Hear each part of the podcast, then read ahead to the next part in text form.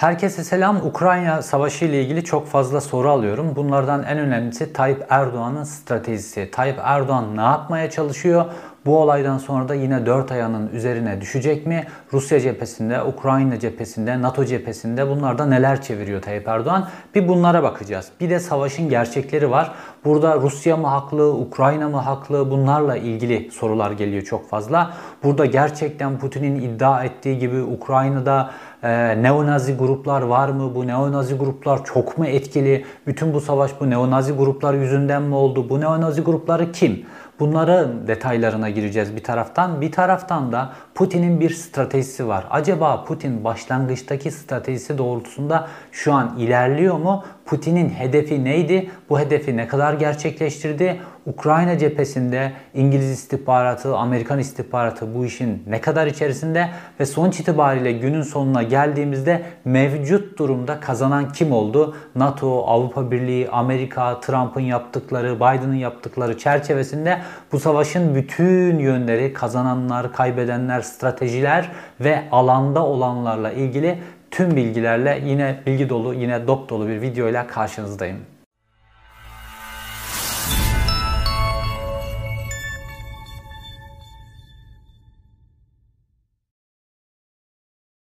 Önce bu Azov taburlarından başlayalım. Çünkü Putin bu Azov taburları üzerinden neonazi suçlamasını bunların üzerinden oturtmaya çalışıyor. Çünkü bunlar faşist diyebileceğimiz bir grup gerçekten de. Fakat bu kadar etkililer mi? Bir savaş çıkaracak kadar etkililer mi? Ve bu Azov taburlarının meselesi ne?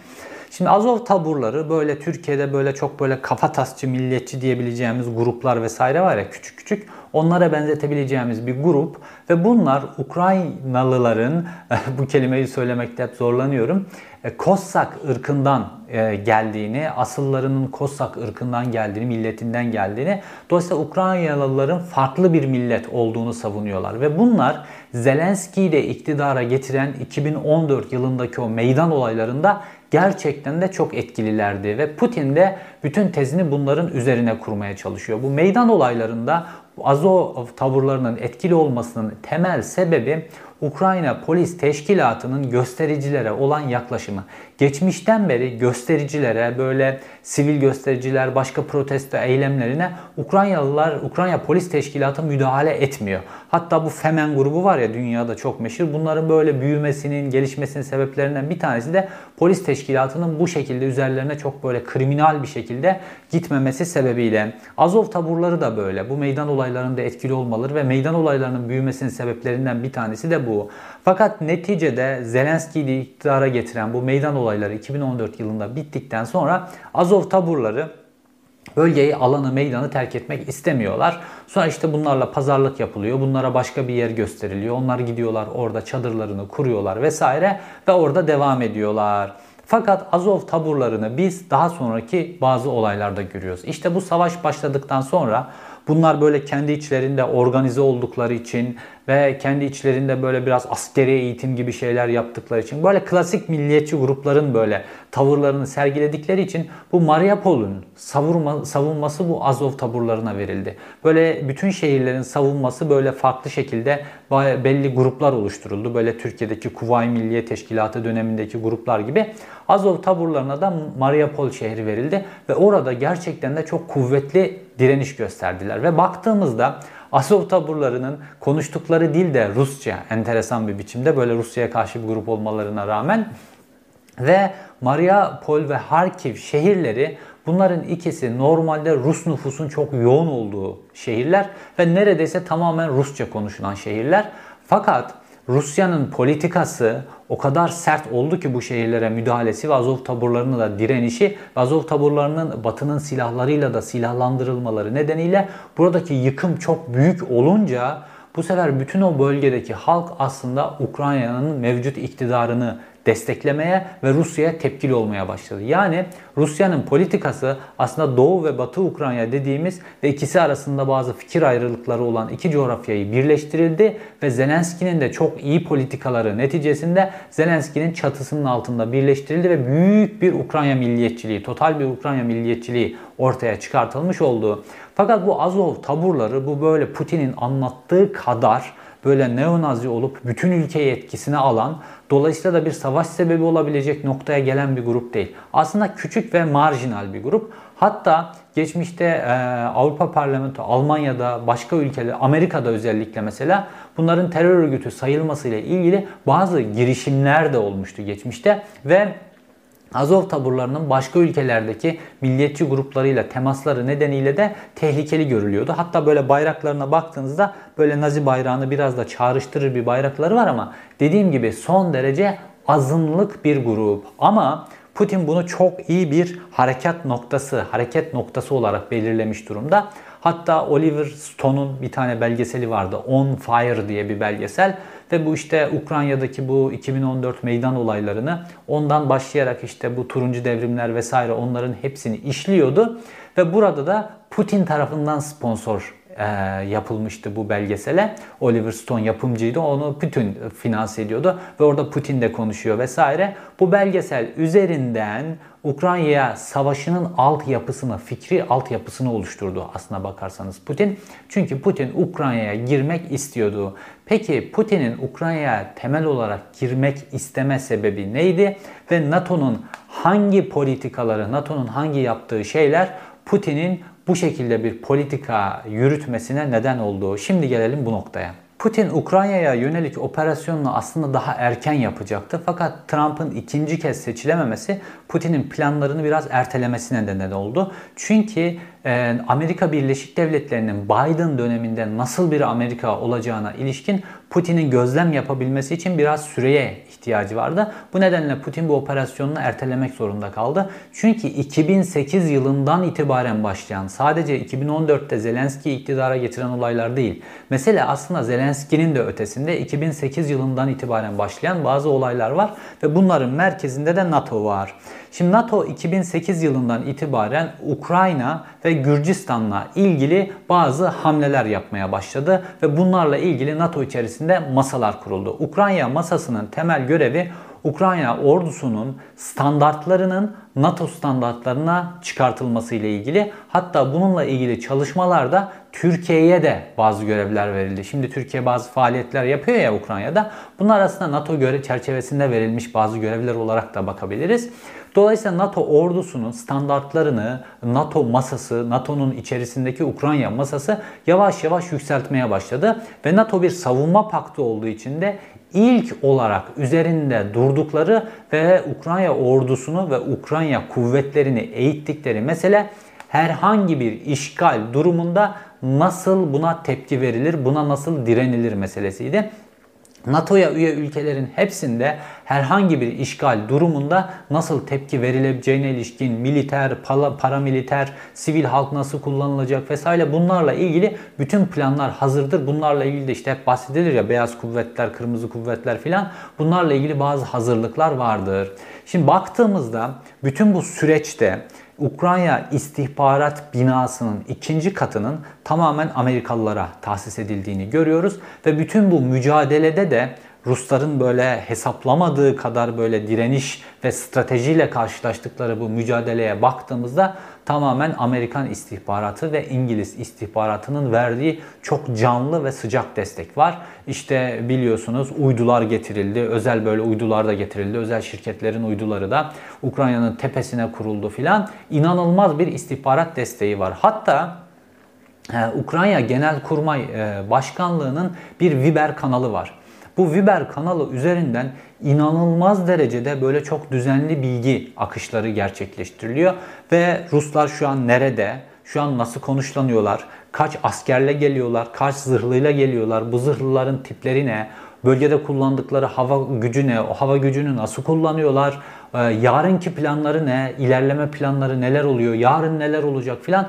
Bunlarla ilgili bu Viber kanalından sürekli olarak Ukrayna Genelkurmay Başkanlığı bilgilendirme yapıyor ve bütün bu alandaki bu sivil gruplar dahil hepsi bu bilgilendirmeyi aldıkları için hem az kayıp veriyorlar hem de çok iyi direniş gerçekleştiriyorlar. Ve baktığımızda bu direniş çerçevesine de baktığımızda işte NATO'nun mevcut planlarında olan NATO'nun böyle çok biliyorsunuz böyle planları vardır sivil direnişle ilgili. Bu planlarda da Ukrayna'nın hava gücünü e, hava hakimiyetini e, tesis edemeyeceği için savaşın şehirlerin içerisinde kabul edilmesi ve şehir savaşıyla ilgili bir strateji geliştirilmiş durumda. Ve Ukrayna bakıyorsunuz böyle sınırları normalde çok kolay geçtiler, hemen ilerlediler falan gibi. Ya nasıl oluyor bir ülkenin sınırı bu kadar kolay geçirilir mi falan diye herkes tepki verdi ama zaten o sınırda açık alanda hava kuvvetlerinin hedefi olabilecek alanda savunma hattını kurmadı Ukrayna. Dediğim gibi bu e, istihbarat desteği nedeniyle ve şehirlerde bu savunma hattı kurulduktan sonra bazı faaliyetler gerçekleşmeye başladı.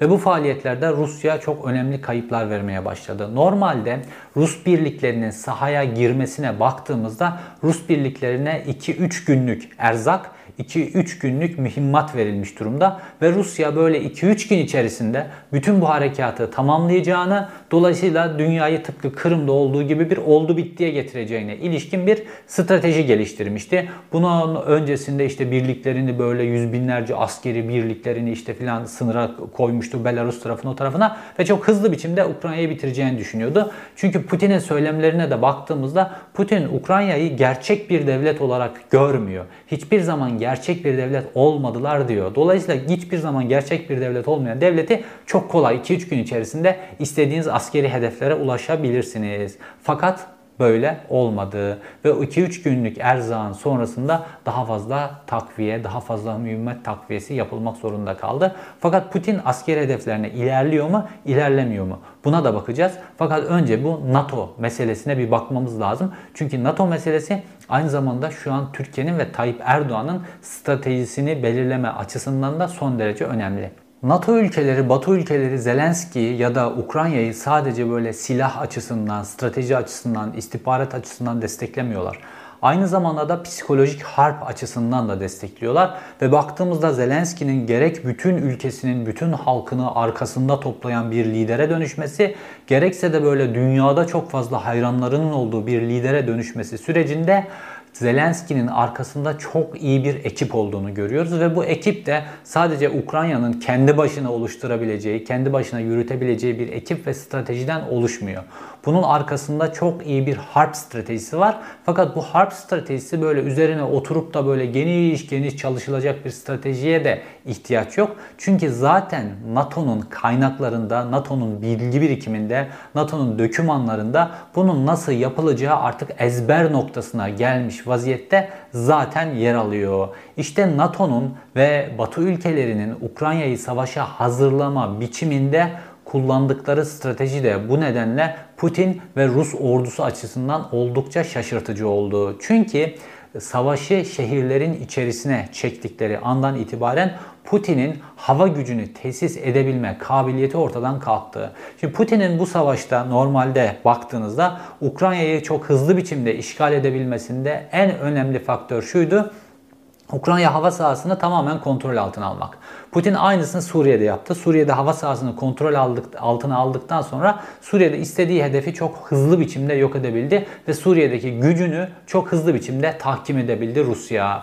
Fakat Ukrayna'da mesele aynı şekilde olmadı. Çünkü Ukrayna'da savaş şehirlerin içerisine çekildi. Şehirlerin içerisine çekildiği andan itibaren Suriye'de yaptığını yapamadı Putin. Çünkü Suriye'de e, hava gücüyle çok fazla tahrip edici ağır bombardıman unsurları, çok yüksek tonajlı bombalar ve işte e, termal bombalar gibi diyebileceğimiz bombaları kullandı Suriye'de ve dünyanın da çok umrunda olmadı. Fakat Ukrayna'da bir Avrupa kentinde bunu kullanmak Rusya'ya yol açacağı faturalar vardı. Hem Rusya'nın imajı açısından hem oradaki bölge halkını tamamen kaybetmesi açısından hem diğer bütün coğrafyaların tehdit altında kendilerini hissedip NATO'ya iyice yaklaşmaları açısından. Dolayısıyla hava gücünü çok daha kontrollü kullanmak zorunda kaldı Putin. Dolayısıyla hava gücünde iki tane temel olarak mühimmat tipi kullanılıyor. Bunlardan bir tanesi güdümlü mühimmat. Lazerle hedefi işaretledikten sonra nokta atışı sadece o hedefi vurabileceğiniz e, yöntem. İkincisi de kör bomba, kör e, mühimmat dediğimiz e, mühimmatın gönderilmesiyle yol açacağınız yıkım. Fakat kör mühimmatı belli bir irtifanın üzerinden attığınızda yanlış hedefi vurma ihtimaliniz çok yüksek. Çünkü belli bir e, hedefi irtifanın üzerine çıktığında artık nokta hedef değil metreler kilometreyle ifade edilmeye başlanıyor bombanın hedefi. Dolayısıyla Rusya uçakları alçak irtifaya inmek zorunda kaldılar. Neden? Çünkü ellerinde yeterince güdümlü mühimmat yok. İşte burası son derece önemli. Türkiye açısından da son derece önemli. Neden biliyor musunuz? Türkiye şu an pek çok böyle roket sandağı vesaire çok fazla böyle füze böyle kısa menzilli füze işte bu dronlarda insan savaşlarında kullanılan füze F-16'larda kullanılanlar vesaire üretiyor. Evet. Fakat bunların güdüm mekanizmaları esas olarak lazerle koordine içerisine girecek ve hedefi nokta olarak vuracak güdüm mekanizmalarının menşelerine baktığımızda bunların çoğunu Türkiye Almanya'dan ithal ediyor.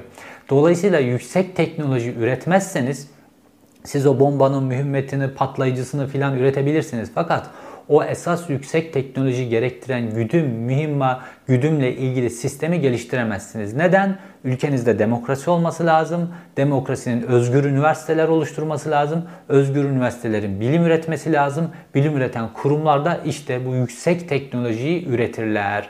Bugün o güdümü üretebilirsiniz, çalışırsınız. 5 yıl sonra, 10 yıl sonra üretebilirsiniz ama dünya başka bir noktaya gelir. Artık güdümünüzün de işe yaramadığı bir teknolojiler gelişmeye başlayabilir. Dünyayı hızlı biçimde yakalayabilmeniz için demokrasi olması lazım, özgür üniversiteler olması lazım, birim üretilmesi lazım. İşte Rusya'nın da bu savaşta gördüğümüz Batı'nın çok az askeri mühimmat desteğine rağmen gerçekten ellerindeki çok büyük şeyleri vermediler. Omuzdan atılan sistemler vesaire bunları verdiler.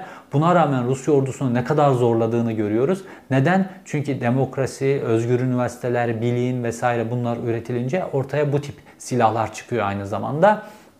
Rusya'da bunların hepsi yok edildiği için, e, Rusya'da bu demokrasi gelişmediği için, bilim de gelişmedi vesaire ve silah sistemleri açısından da dünyanın çok gerisinde kaldılar. Türkiye'yi de bekleyen durum bu. Çünkü dediğimiz gibi TÜBİTAK'ın başına hayvanat bahçesi müdürü getiriyorlar. Dolayısıyla sistem buna doğru ilerliyor.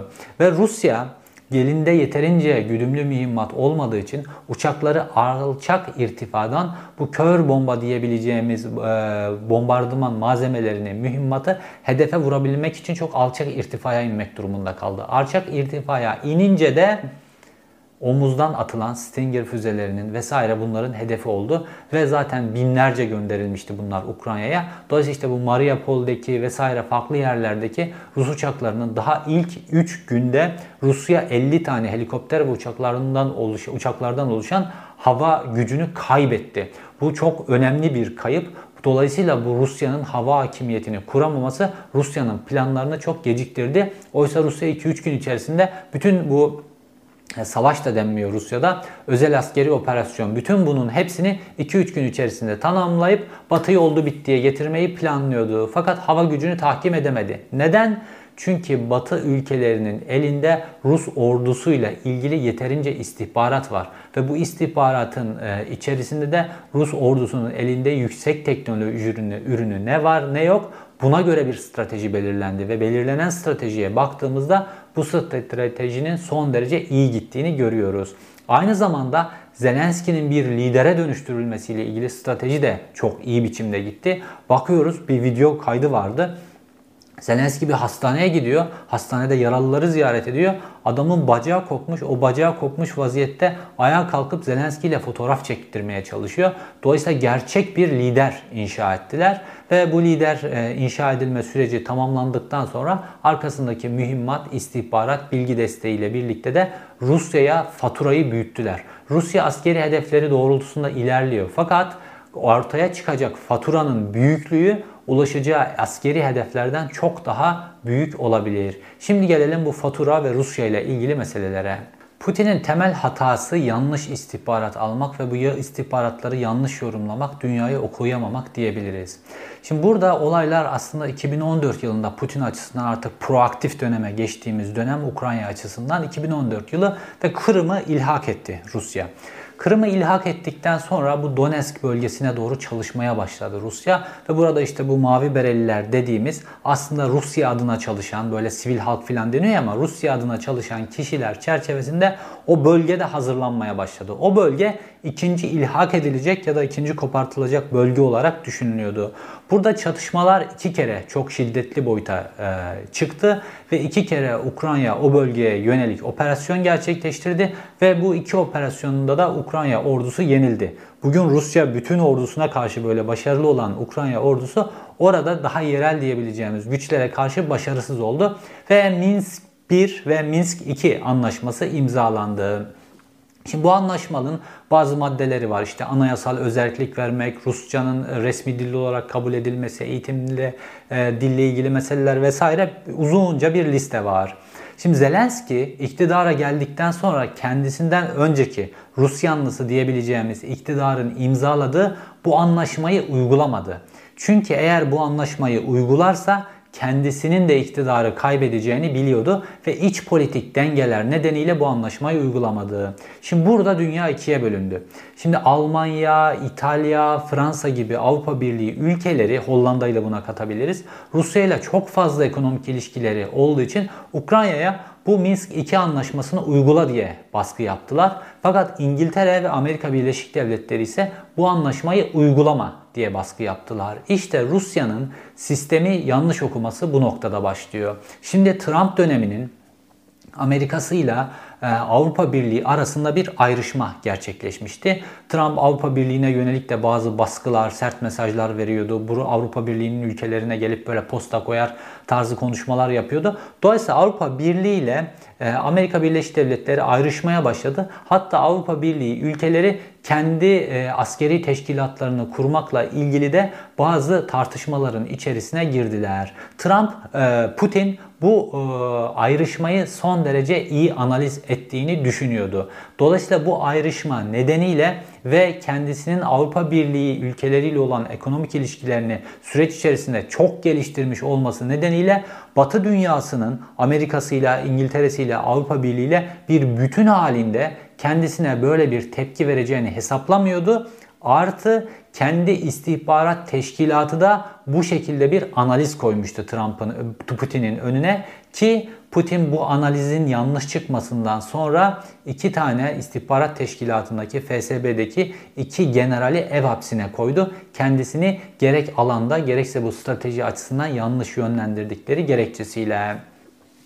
Şimdi baktığımızda Avrupa Birliği ülkelerinin bakanları, liderleri bunlar emekli olduktan sonra bunların bazılarının Rusya'nın e, devlete ait enerji şirketlerinde yönetim kurulu üyeliği vesaire gibi çok üst düzey pozisyonlara geldiğini görüyoruz. Ve bu emekli olan liderlerin üst pozisyona gelmelerinin de tetiklediği biçimde e, Avrupa Birliği ülkeleriyle Rusya arasında ekonomik ilişkiler çok gelişti.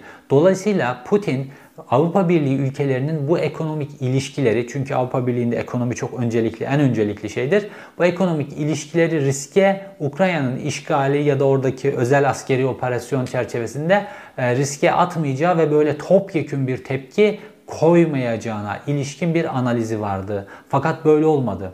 Bütün Batı ülkeleri birlikte hareket ettiler. Fakat bunun öncesinde Putin'i birlikte hareket etmeyeceklerine ilişkin bir inancın içine kapılmasına yol verdiler. Baktığımızda Putin Minsk 2 anlaşmasının uygulanması için Ukrayna'yı zorlamaya başladığı anda sınıra birlikler yığmaya başladı. Birliklerin sayısını sürekli arttırdı. Üst tarafta farklı ülkelere birliklerini göndermeye başladı vesaire Belarus'a vesaire. Dolayısıyla sürekli birlik yığıyor, birlik yığıyor, tansiyonu arttırıyor sürekli. Donetsk bölgesinde çatışmaları kuvvetlendiriyor. Fakat bir türlü batıdan beklediği tepki gelmiyor. Gelmeyince Batı'nın böyle topyekün bir tepki vermeyeceğine inandı ve Putin elini arttırmaya başladı. Önce Ukrayna hiçbir zaman NATO üyesi olamaz dedi. Sonrasında buna şiddetli bir tepki gelmeyince elini bir doz daha arttırdı. İşte Romanya'daki, Bulgaristan'daki NATO birliklerinin geri çekilmesi gerektiği ile ilgili söylemlerde bulundu. Buna da ne NATO'dan ne de Batı ülkelerinden çok şiddetli bir tepki gelmedi. Dolayısıyla Putin birliklerini de arttırmış, elini de arttırmış, söylemini de arttırmış olmasına rağmen yeterli bir tepki gelmeyince bunun üstüne bir de nükleer tehdit söylemini ekleyip Batı ülkelerini iyice tedirgin edip Batı medyasını iyice tedirgin ettikten sonra artık şuna ikna oldu. Tıpkı Kırım'da yaptığım gibi burada da bir oldu bitti yapacağım fakat kimse tepki veremeyecek. Ama öyle olmadı.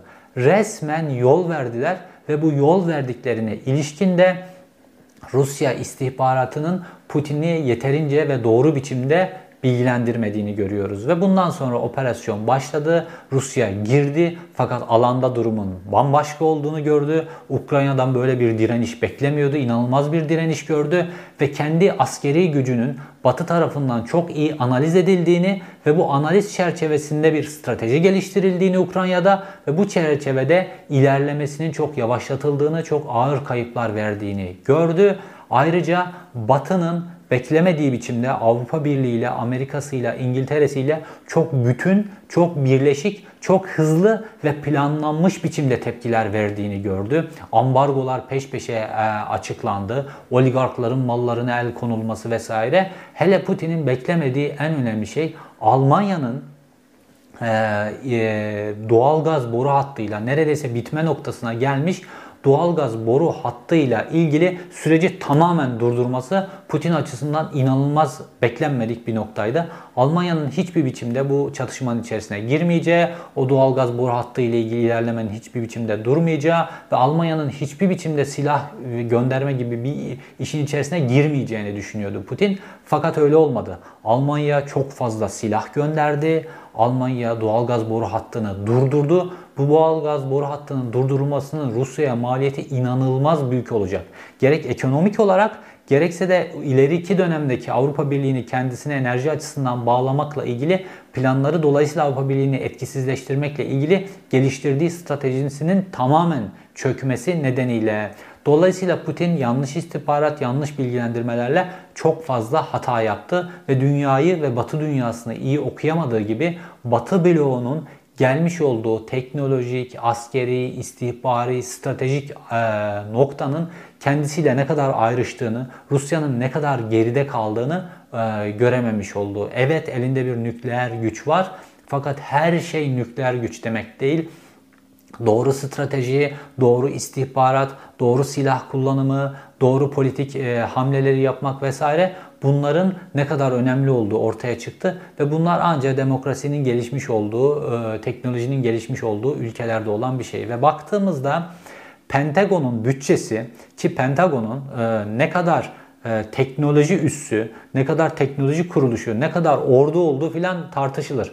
İnanılmaz bir teknoloji yatırımı var orada ve baktığımızda dünyadaki pek çok teknolojik gelişme normal hayatımıza da daha sonra yansıyan bu teknolojik gelişmelerle ilgili altyapının Pentagon'da üretildiğini görüyoruz ve Amerikan silah şirketlerinde üretildiğini görüyoruz ve Pentagon'un bütçesi Rusya'nın bütün total bütçesinin yarısı kadar büyüklükte.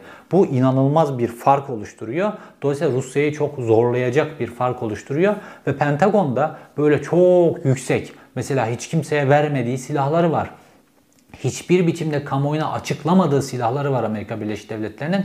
Böyle bunları da kullanmadı, bunları da göndermedi. Hatta Amerika Birleşik Devletleri burada dünyadaki genel tansiyonu yükseltmemek için öylesine bir strateji izledi ki NATO çerçevesinde şöyle bir teklif geldi. Dediler ki işte Macaristan'ın elinde, Bulgaristan'ın elinde, eski Doğu bloku ülkelerinin elinde MiG-29'lar var. Biz bu MiG-29'ları madem F-16'ları veremiyoruz işte NATO ile Rusya arasında bir savaş çıkar. O zaman bu eski Rus uçaklarını MiG-29'ların hepsini toplayalım. Bunların hepsini Ukrayna'ya verelim. Ukrayna Hava Kuvvetleri bunları kullansın. Biz de o ülkelere, eski Doğu blok ülkelerine bunun yerine F-16'ları veririz. Nasıl olsa F-22'yi Amerika Birleşik Devletleri hiç kimseye vermiyor. F-16'lar artık verilebilir bir e, hava gücü durumunda. Amerika Birleşik Devletleri bunu bile kabul etmedi. Hayır MiG-29'ları da buralardan toplayıp oraya götürmek ta, savaşın tansiyonunu çok fazla yükseltir, çok fazla agresifleştirip çok fazla noktaya e, ileri noktalara götürebilir Rusya'yı diye bunu bile ka, e, kabul etmedi. Sadece omuzdan ateşlenebilen bazı silahlarla Rus koca Rus ordusunun nasıl durdurulabildiğini gördük. İşte bu teknolojinin geldiği nokta ve doğru teknolojiyle doğru stratejilerin, şehir çatışması stratejisinin birleştirildiğinde Rus ordusunun ne kadar e, yavaşladığını gördük ve 2-3 günlük bir planlamanın aya varan noktalara kadar ilerlediğini gördük ve ne kadar uzayacağını da bilmiyoruz ve uzadık her gün her geçen gün Rus ekonomisini mahvediyor, Rus ordusunu mahvediyor ve Rusya içerisindeki tansiyonu yükseltiyor. Baktığımızda Rusya'da 15 bin protestocu tutuklandı şu ana kadar. Bu Rusya açısından inanılmaz büyük bir rakam. Putin gibi böyle ülkesinin bütün noktalarına hakim olan, ülke içerisindeki istihbarat ve polis teşkilatını çok iyi tahkim etmiş bir liderin ülkesinde savaş karşıtı protestolar artık öyle bir noktaya geliyor ki 15 bin kişiyi tutuklamak zorunda kaldı polis teşkilatı yavaşlatabilmek için bu protestoları. Hatta inanılmaz bir e, yasa çıkartıldı. Ee, Rusya'nın Ukrayna'da yürüttüğü askeri operasyona savaş demek yasak Rusya'da. Savaş kelimesini kullanamıyorsunuz. Bunun yerine kullanmanız gereken kelime e, özel askeri operasyon kelimesini kullanmanız gerekiyor. Savaş demeyi dahi yasakladı. Fakat buna rağmen protestolar devam ediyor ve 15 bin kişinin tutuklandığı boyutlara vardı. Artı oligarklara yönelik Batı'nın e, yaptırımları neticesinde oligarkların da Putin'e yönelik bir öfke, öfkesi oluştu. Dolayısıyla Putin'in iktidarını sarsabilecek, Putin'i iktidardan düşürebilecek bir konsorsiyumun oluşturulmaya çalışıldığını da Batı tarafından görüyoruz. Bununla ilgili hamleler de Batı tarafından iyi hesaplanmış, NATO tarafından iyi hesaplanmış ve çok doğru biçimde e, uygulanıyor. Yani NATO'nun ve Batı ülkelerinin kendileri savaşa girmeden doğru stratejileri ihraç ederek nelere yol açabileceğini görüyoruz. Gerçek bir savaştasa yıkım gücünün ne kadar büyük olabileceğine yönelik bize bir bakış açısı veriyor bu durum. Şimdi Tayyip Erdoğan'ın stratejisi Türkiye'nin neler kazandığı, neler kaybettiği ile ilgili meseleye gelmeden önce kimler kazandı, kimler kaybetti, şu ana kadar kimler ne kazandığı ile ilgili bir tablo çıkaralım. Şimdi birinci kazanan NATO. Neden? Mesela Macron demişti ki NATO'nun beyin ölümü gerçekleşti diye bir açıklama yapmıştı ve Avrupa Birliği artık NATO dışı e, arayışlara gitmekle ilgili bazı hamleler yapıyordu. Fakat şimdi Macron dedi ki NATO'nun beyin ölümü gerçekleşmişti fakat bu Ukrayna hadisesi bir elektroşok oldu. Dolayısıyla NATO yeniden dirildi. Şimdi NATO'dan ayrılmakla ilgili tartışmalar, NATO'nun beyin ölümü gerçekleştirine ilişkin tartışmalar tamamen son buldu.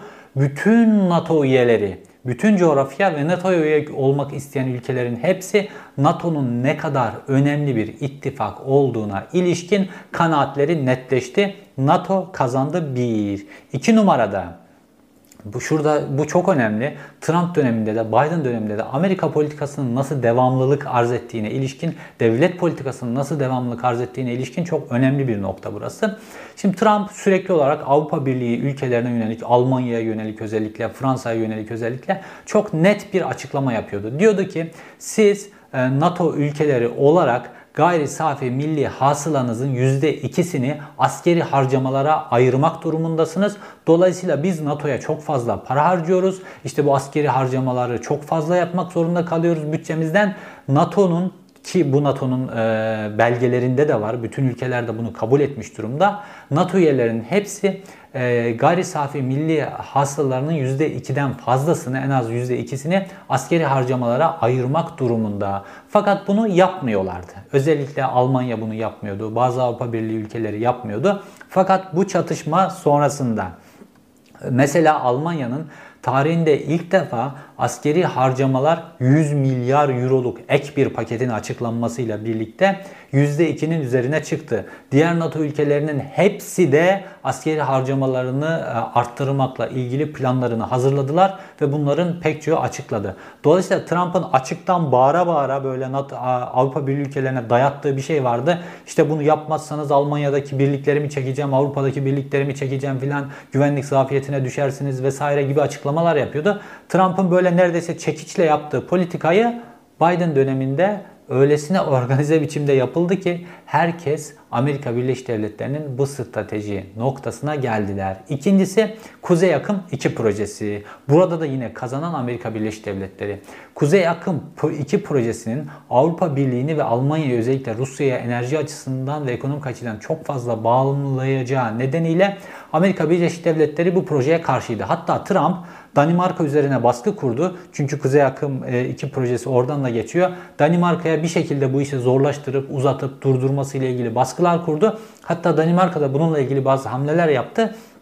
Fakat sonrasında Almanya'nın devreye girmesiyle birlikte bu hamleler aşıldı. Amerika'nın açık e, baskısına rağmen, İngiltere'nin açık baskısına rağmen Kuzey 2 akım 2 projesi durdurulmuyordu. Fakat şimdi Almanya kendiliğinden bu projeyi durdurdu. Bu ikinci ve çok önemli bir kazanım. Fakat daha kazananlar da var. Avrupa Birliği stratejik pusulasını açıklayacaktı ve bu pusulanın açıklanmasında NATO ile ilgili bazı meseleler, bazı kararlar alınması bekleniyordu.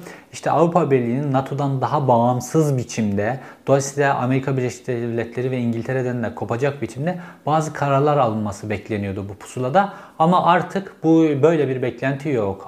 Aksine NATO ile olan işbirliğinin daha da güçlendirilmesi beklentisi var ve bununla ilgili haberlerde Avrupa Birliği medyasında çok fazla yer almaya başladı. Dolayısıyla NATO kendisi açısından da böyle bir tehlikeyi atlatmış oldu. Şimdi gelelim Türkiye meselesine, Tayyip Erdoğan meselesine. Tayyip Erdoğan ne kazandı, ne kaybetti, Türkiye ne kazandı, ne kaybetti. Rusya'nın bu meselede Türkiye ile ilgili politikası ne? Putin böyle adım adım askeri hedeflerine doğru ilerliyor ve bu Odessa'yı da alırsa artık böyle Azak Denizi, Karadeniz vesaire burası tamamen bir Rus gölüne dönmüş olacak neredeyse. Ve bundan en büyük tedirginliği duyması gereken ülke normalde Türkiye. Neden? Tarihsel olarak 14 kere savaşmışsınız e, Rusya'yla. Dolayısıyla karşınızda bir de Karadeniz'de bu kadar kuvvetli olarak Karadeniz'i neredeyse Rus gölü haline getirebilecek bir strateji ilerliyor. Bu gerçekleşirse en çok tedirgin olması gereken ülke Türkiye. Neden? Çünkü güney tarafında Suriye'de de Rusya ile neredeyse her an savaşabilecek bir pozisyondasınız ve Rusya orayı da çok fazla tahkim etmiş durumda ve Tayyip Erdoğan'ın verdiği tavizler nedeniyle de Rusya sözde gemilerini tamir ettirmek vesaire sebebiyle çok yüksek tonajlı gemileri Boğaz'dan askeri gemileri geçirerek e, Suriye'deki limanlara park etti. Dolayısıyla Rusya güney tarafımızda da güçlü, yukarı tarafı da komple eline geçirmiş oluyor. Normalde Türkiye'nin endişe etmesi lazım. Fakat Türkiye'nin endişe değil ikili bir politika uyguladığını görüyoruz. Mesela Türkiye diyor ki e, işte Kırım'ı 2014 yılında Rusya ilhak ettikten sonra diyor ki Türkiye biz bu ilhak e, olayını tanımıyoruz diyor tanımıyoruz diyor ama bu ilhak olayıyla ilgili NATO ülkelerinin, Batı ülkelerinin aldığı bazı yaptırım kararları var. Mesela bu yaptırım kararlarından bir tanesi Rusya'dan hiçbir biçimde e, savunma sanayi ürünlerinin al, alınmaması ile ilgili ve bununla ilgili de bazı Rus şirketleri bu ambargo listesinde. Şimdi Türkiye'nin S-400 aldığı şirkete baktığımızda o da ambargo listesinde. Yani Türkiye Kırım'ın ilhakını tanımıyoruz diyor. Kırım'ın ilhakını tanımamakla ilgili ambargo kararlarına katılıyor fakat bunları uygulamıyor. İşte burada ikili bir pozisyon ortaya çıkmış oluyor ve bu ambargo kararını uygulamadığınızda da karşı tarafa bu ilhakı devam ettirmekle ilgili ve yaygınlaştırmakla ilgili bir koz vermiş oluyorsunuz. Karşı taraf buradan sizi analiz etmiş oluyor. Diyor ki ben burayı da işgal edersem Türkiye'nin politikası yine aynı şekilde olacak. Türkiye bir problem çıkarmayacak diyor ki Türkiye'nin de bir problem çıkarmadığını görüyoruz. Sadece bu mesele mi? Değil. Türkiye'nin ikili oynamaları devam ediyor. Kırım'ın bir de münhasır ekonomik bölgesi var Karadeniz'de. Şimdi buradan Türkiye Akım projesi geçiyor. Şimdi Türkiye eğer diyorsa ben Kırım'ın ilhakını tanımıyorum. O zaman burası Ukrayna'nın münhasır ekonomik bölgesi oluyor. Dolayısıyla Ukrayna'nın bu Türk akım projesine izin verilmesi şartını Türkiye'nin koşması gerekiyor. Fakat bunu da yapmıyor Türkiye. Türk akım projesine gayet iyi biçimde onay veriyor. Hiçbir biçimde problem çıkarmıyor Türkiye'ye.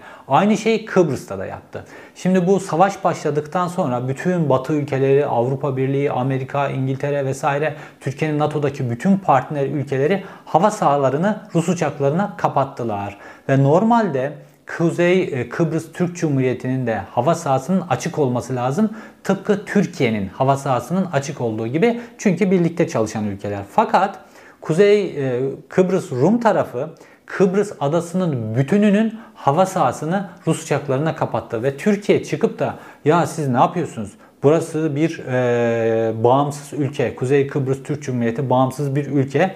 Dolayısıyla hava sahasının kapatılmasına Kuzey Kıbrıs Türk Cumhuriyeti karar verir. Ben de garantör ülkeyim diyemedi Tayyip Erdoğan Rusya'ya karşı. Hatta Kıbrıs'ın egemenliği ile ilgili KKTC'nin egemenliği ile ilgili de inanılmaz büyük bir kayıptır. Rum tarafı bütün adanın hava sahasını kapattı ve bununla ilgili ne KKTC yönetiminin bir tepki göstermesine izin verdiler ne de Türkiye doğru düzgün bir tepki verdi. Buranın hava sahası Rus uçaklarına açıktır diyemedi. E, bu da çok önemli bir kayıp Türkiye açısından. Çok önemli bir ikili oynama Türkiye açısından. Tabi Putin bunların hepsini analiz ediyor ve bunlarla ilgili Türkiye'ye yapacağı bazı hamlelerde olacaktır. Tabi Erdoğan e, bir açıdan dünya medyasına da baktığımızda Putin'in esiri olarak e, ifade ediliyor. Bunun sebeplerinden sadece ekonomik sebepleri yok. Evet ekonomik sebepleri var. Türkiye'nin ekonomisi şu an çok kötü durumda. Dolayısıyla Türkiye'ye gelen en büyük turist grup Rus turist gruplar. Dolayısıyla işte bunların getireceği dövizler var. Charter seferlerin iptal edilmemesi lazım. Türkiye'den ihraç edilen yaş sebze meyve var. Türkiye enerji açısından Rusya'ya çok bağlı durumda. Getirip en stratejik noktasını Akkuyu nükleer santrali inşa ediliyor ve bunu götürüp Ruslara verdiler. Yani kendi dibindeki devasa bir kuvvet bunu tutup Ruslara vermeyin diye ne kadar itiraz edildi. Başka ülke Japonlar yapsın, onlar yapsın, bunlar yapsın. Bunlar hiçbirini dinlemedi Tayyip Erdoğan. Sırf Putin'le o günkü ilişkilerini düzgün tutabilmek için bu tavizlerin hepsi verildi. Dolayısıyla şu an Putin'le ilişkileri germek demek, Akkuyu'da işlerin durması demek, turistlerle ilgili charter seferlerin iptal edilmesi demek, yaş sebze meyvenin durması demek filan. Türkiye bunu ekonomik olarak kaldıramaz. Fakat esas olarak Tayyip Erdoğan'ın bir yumuşak karnı var. O da ne? Suriye meselesi. Şimdi Suriye'de biliyorsunuz Rusya'nın ağır böyle bir termik bomba da kullanarak yaptığı bir bombardıman oldu ve 30'dan fazla şehit verdi Türkiye. Bu şehit sayısının Türk Silahlı Kuvvetleri ve şehit sayısının normalde daha yüksek olduğunu da e, olduğu da düşünülüyor. Bir birlik neredeyse tamamen yok edildi ve daha sonrasında da çok fazla asker, binden fazla asker de lojistiği e, tamamen tükenmiş olarak çevrildi. Bu askerlere ne yiyecek, ne su, ne mühimmat hiçbir şey gönderilemiyordu ve bu askerler öylesine bir e, kendileri de hayatlarını kaybetme riskiyle karşı karşıya kaldılar ki bu Türk Silahlı Kuvvetleri içerisinde de bu bilgiler bir isyan noktasına geldi ve sonrasında Tayyip Erdoğan hemen pazartesi günü e, Rusya'ya gidip Putin'in önünde el pençe divan durdu. Oradaki görüntüleri, oradaki e, söylemleri falan hatırlayın. Ondan sonra Rusya bir koridor açtı ve Türkiye ondan sonra oraya lojistik götürebildi ve oradaki askerlerini tahliye edebildi. Şimdi burada kritik nokta şu. Türkiye NATO üyesi ve dolayısıyla NATO'nun çok yüksek teknoloji ürünü e, savunma e, araç ve gereçlerinden faydalanma imkanı var. Ayrıca NATO'nun bilgilerini de kendi ülkesine aktarma imkanı var. Şimdi bu hava savunma sisteminde Türkiye son derece geri kaldı. Bu yıllardır AKP döneminden önce de devam eden bir süreç. Türkiye bunu hiç önemsemedi. Daha doğrusu e, Türk Silahlı Kuvvetleri'nin bu konudaki taleplerini hükümetler hep e, ekonomik nedenlerle göz ardı ettiler. Ve sonrasında Türkiye hava savunma sistemi ile ilgili Rusya'yı Tayyip Erdoğan tercih etti. Fakat bu çok büyük bir hataydı. Bunun nasıl büyük bir hata olduğunu biz şimdi görüyoruz. Neden? Çünkü Rusya Suriye'de bütün hava e, savunma sistemlerini Türkiye'ye dönük olarak hatta S-300'lerle kurdu. Dolayısıyla şu an Türkiye'nin hava kuvvetleri, F-16'lar, helikopterler ancak Rusya'nın izin verdiği ölçüde ve Rusya izin verdiği takdirde Suriye topraklarının içerisine giriyor.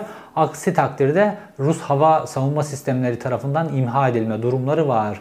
Şimdi Türkiye orada hava gücünü, hava korumasını e, kullanamayınca alandaki birlikleri keklik vaziyetine düşmüş oluyorlar. Dolayısıyla şu an gözlem noktalarındaki İl, İdlib'deki çok fazla Türk Silahlı Kuvvetleri birlikleri var. Bunun arasında tamamen savunmasız durumda. Türkiye ile Rusya herhangi bir gerilim yaşadığında Türkiye Rusya Türkiye'yi Karadeniz tarafından filan e, sıkıştırmayacak.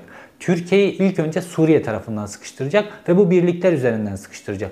Bu birliklere yönelik Rus birliklerinin yapacağı hamleler, Rusya'nın yapacağı hava operasyonlarına karşılık Türkiye'nin e, verebileceği bir tepki yok. Çünkü Suriye hava sahasını tamamen kontrolü altına almış durumda Rusya ve hava savunma sistemleri var. F-16'ların bu hava savunma sistemlerinin içine girmesi demek düşürülmeleri demek. Peki Türkiye ne yapabilirdi? Batı ülkelerinden hava savunma sistemlerini çok hızlı biçimde alabilirdi. Şimdi Tayyip Erdoğan diyor ki bize diyor Amerika Birleşik Devletleri satmadı. Biz o yüzden gittik Rusya'dan bu savunma sistemini almak durumunda kaldık. Bu doğru değil. Putin'le olan başka meseleleri vardı. Suriye'deki başka meseleleri vardı. Bu bir rüşvet biçiminde alındı e, Rusya'dan. Çünkü satmama meselesi değil. Daha yüksek fiyat istiyordu Batı ülkeleri. E, mesela işte bu ihaleye bir İtalya-Fransa ortaklığı girmişti. Bir Çin girmişti. Bir Rusya girmişti. Bir de Amerika Birleşik Devletleri girmişti. Tabi bunların fiyatları var. Fiyatları var ama aynı zamanda teknolojik farkları da var. Yani Türkiye tamam Amerika Birleşik Devletleri'nin savunma sistemi çok pahalı. Fakat İtalya, Fransa'nın yani NATO'da da ortağı olan e, sistemi tercih edebilirdi. Türkiye bunu da tercih etmedi. Yani bir biraz daha yüksek para ödememek e, uğruna Türkiye kendi savunma sistemini ve kendisini şu an Rusya'ya böyle bağımlı duruma, Rusya'ya gebe duruma e, sokmak durumunda kaldı. Baktığımızda saray yapmakta milyarlarca dolar harcanıyor. Saray saray saray o kadar milyarlarca dolar harcanmasaydı bu savunma sistemleriyle ilgili fark oradan kapatılabilirdi. Ya da bu saçma sapan e, köprüler vesaire bunlara yapılan harcamalara baktığımızda, inşaat harcamalarına baktığımızda bunlar yapılmayabilirdi ve Türkiye Batı standartlarında, NATO standartlarında bir savunma sistemi satın alabilirdi. Fakat kendisini öyle bir duruma soktu ki şimdi Türkiye, NATO'nun Batı'nın tepkisinden korktuğu için S-400'lerin diğer bataryalarını getiremiyor. E, bir taraftan da NATO partneri olduğu için şimdi Ukrayna gibi e, krizler patlak veriyor.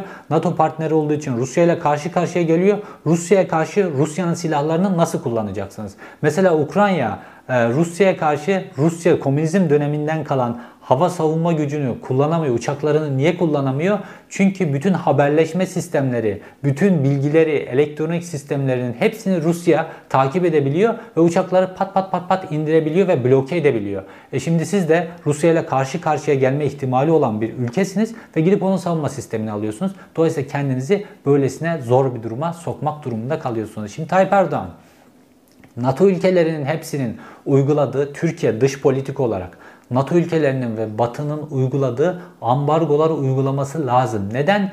Birinci tehdit altındaki ülke kendisi. Ee, Karadeniz'in Rus Gölü'ne dönmesi durumunda birinci tehdit altında kendisini hissetmesi gereken ülke Türkiye. En büyük tehdit altında hissetmesi gereken ülke Türkiye iken bu ambargo kararlarını ve Rusya'ya karşı bu baskıyı kuramıyor. Neden? Suriye'de işte bu durumda olduğu için. Suriye'de askerlerini hava gücüyle savunamadığı için ekonomisi e, berbat kararlarla berbat duruma sokulduğu için ekonomik açıdan Rusya'ya bağlı durumda olduğu için. Dolayısıyla Tayyip Erdoğan ikili oynamak durumunda. Şimdi bu işlerin hepsinin içerisinde bir de meşhur Türk dronları var. Bayraktar dronlar Ukrayna'ya veriliyor. Aslına bakarsanız Rusya e, açıklama da yaptı. Bunlar e, iç işleridir. İşte bir e, savunma alışverişi vesaire biz buna karışmıyoruz dedi. Ve Bayraktar dronlar evet Rusya'da Rus güçlerine karşı kayıplar verdirdiler. Fakat baktığımızda savaş e, e, terminolojisine ve savaş tarihine baktığımızda ve farklı coğrafyalardaki çatışmaya baktığımızda bu insansız hava araçları böyle savaşın bütün dinamiğini değiştirebilecek şekilde e, teçhizatlar değil. Bunlar yardımcı teçhizatlar diyebileceğimiz teçhizatlar. Dolayısıyla bu satışla ilgili Rusya çok fazla problem çıkarmıyor. Fakat Türkiye'nin bu açıdan da stratejik düşünmesi lazımdı. Tayyip Erdoğan burada da damadının şirketinin para kazanması açısından düşündü bu satışları. Fakat şimdi baktığımızda uluslararası medyada artık haberler çıkmaya başlıyor. Mesela bazı Afrika ülkelerine bayraklar tamamen ticari meselelerle sattı bu dronları. Fakat orada o Afrika ülkeleri sivil hedefleri vurmak için de bu dronları kullanıyorlar ve Türk dronlarıyla, bayraktar dronlarıyla sivil hedeflerin vurulduğuna ilişkin fotoğraflar, görseller Afrika medyasında inanılmaz biçimde yayılıyor ve bu bir Türkiye karşıtlığı oluşturuyor sivil kayıplar nedeniyle. Normalde baktığımızda bütün gelişmiş ülkelerde mesela Amerika Birleşik Devletleri'nde bir tane hücum bot bile alamazsınız yani. Ee, kongrenin onayı lazım, temsilciler meclisinin onayı lazım, başkanın onay vermesi lazım vesaire. Özellikle böyle stratejik askeri ürünlerde vesaire tamamen parlamento onayları, e, senatoların onayları gerekir. Fakat Türkiye'de serbest. Bayraktar anlaşıyor bir şirket bir yerle satıyor. Oysa ki sonuç itibariyle Türkiye içerisinde özellikle de Havelsan'ın, Aselsan'ın verdiği teknolojilerle bu bayraktar dronlar bu noktalara geldi ve dolayısıyla Türkiye'de de parlamento onay olması lazım. Bunların bir ülkeye satışıyla ilgili. Ukrayna Rusya meselesinde çatışma çok farklı boyutlara da gidebilirdi. Dolayısıyla bu satışlar nedeniyle Türkiye'de burada e, bir fatura ödeyebilirdi. Fakat Tayyip Erdoğan damadının şirketinin hatta şöyle yorumlar görüyorum. İşte bir e, Bayraktar drone düşürülüyor Ukrayna'da. Aa bu bizim iyi, için iyi bir şey daha çok satarız falan diye yorum yapıyorlar altına. Ya inanılmaz bir şey. Yani Türkiye'nin bu satışları çok stratejik bir akılla gerçekleştirmesi lazım. Ve bu stratejik akıl da ancak parlamento zemininde konu tartışılıp Dışişleri Bakanlığı'nın, genel kurmayın bunların hepsinin görüşlerinin o komisyonlara gelip bu çerçevede parlamentonun vereceği kararla olabilirdi. Fakat Tayyip Erdoğan damadına yol vermiş. Herkese satar. Yarın Kıbrıs Rum tarafı da istese ona da satar. Yunanistan istese ona da satar. Herkese satar. Çünkü mesele para. Tayyip Erdoğan'ın da bütün bu Ukrayna meselesine baktığı nokta para ve şu an e, oligarkların paralarının Türkiye'ye getirilmesiyle ilgili bir strateji geliştiriyor Tayyip Erdoğan. Bununla ilgili de daha önceki videoda anlattım. Ethem Sancağı Rusya'ya gönderdi. Orada bazı oligarklarla da temasları gerçekleşti ve Rus oligarkların öncelikle işte süper lüks yatlarının, jetlerinin Türkiye'ye getirilmesi, ardından paralarının Türkiye'ye getirilmesi. Fakat bunların bu oligarkların Türkiye'ye gelmesi demek Türkiye'deki bütün sistemi satın almaları demek ve Putin bu oligarkları aynı zamanda 5. kol faaliyeti olarak da kullanır. Türkiye içerisinde neler yapabileceği bu oligarkların devasa parasıyla bunları hayal bile etmek istemiyorum açıkçası. Şimdi gelelim sonuç noktasına. Şimdi sonuç noktasındaki büyük stratejiye baktığımızda böyle dünyanın çok saygın yayın organlarında da böyle paralı raporlar vesaire bunlar yayınlıyorlar. Bu raporlara da baktığımızda bütün bu e, savaşın, bütün bu çatışmanın ve Rusya'nın ekonomik ve askeri açıdan uzun süreli sıkıştırılmasının şöyle bir sonuç vereceği umuluyor Batı Paktı açısından. Rusya'yı kendi tarafına çekmek. Neden ve kime karşı? Çin'e karşı. Çünkü asıl mesele, asıl büyük mücadele gerek ekonomi, gerek stratejik, gerek askeri mücadele Batı baktığıyla Çin arasında olacak ve bu mücadelede Çin'i yalnız bırakmak için Rusya'yı kendi tarafına çekmek Batı Paktı açısından son derece önemli. Ve bu e, hadisenin sonunda Rusya'nın böyle yıpratılıp Rusya'nın yıpratıldıktan sonra Rusya'da olabilecek değişiklikler sonrasında Rusya'yı kendi tarafına çekmek ya da en azından bu meselede tarafsız kalma noktasına çekmekle ilgili çok uzun vadeli bir strateji ilerliyor. İşte Amerika Birleşik Devletleri'nin Afganistan'dan da çekilmesi, Orta Doğu'da eskisi kadar önemsememesi vesaire gibi hadiselerin hepsine baktığımızda asıl mesele Çin'le ilgili bu meseleye doğru hazırlık. Türkiye'nin de burada nerede yer alacağına ilişkin e, işler birazcık önümüzdeki NATO zirvesinden sonra netleşecek. Çünkü önümüzdeki NATO zirvesi ve NATO'nun mevcut genel sekreterinin değiştirilmesinden sonra e, Türkiye'nin e, değişmesinden sonra Türkiye'nin artık NATO ile ilgili meselelerde daha kesin kararlı olmasıyla ilgili bir baskı süreci başlayacak. E, tarafını seç denecek. Türkiye eğer burada tarafını net olarak seçmezse bunun Türkiye'ye yol açacağı faturalar var. Fakat dediğim gibi Tayyip Erdoğan kendi iktidarını tahkim etmek için ve şu an ekonomiyi de daha kötüleştirmemek için çünkü önümüzde bir seçim var. Türkiye'nin dış politikasını tamamen ateşe atıyor. Tayyip Erdoğan tamamen önümüzdeki seçimlerle ilgili olarak bakıyor bu meseleye de. Ekonomiyle ilgili bakıyor. Ekonomi berbat. Bu da benim oylarımı eritiyor alabileceğim NATO çerçevesindeki önlemler ekonomiyi Rusya'nın alacağı karşı önlemlerle daha kötü pozisyona getirebilir. Dolayısıyla ben seçimi kaybederim diyor. Tayyip Erdoğan seçimi kaybetmemek için Türkiye'nin dış politikasını tamamen ateşe atıyor. İzlediğiniz için teşekkür ederim. Bir sonraki videoda görüşmek üzere.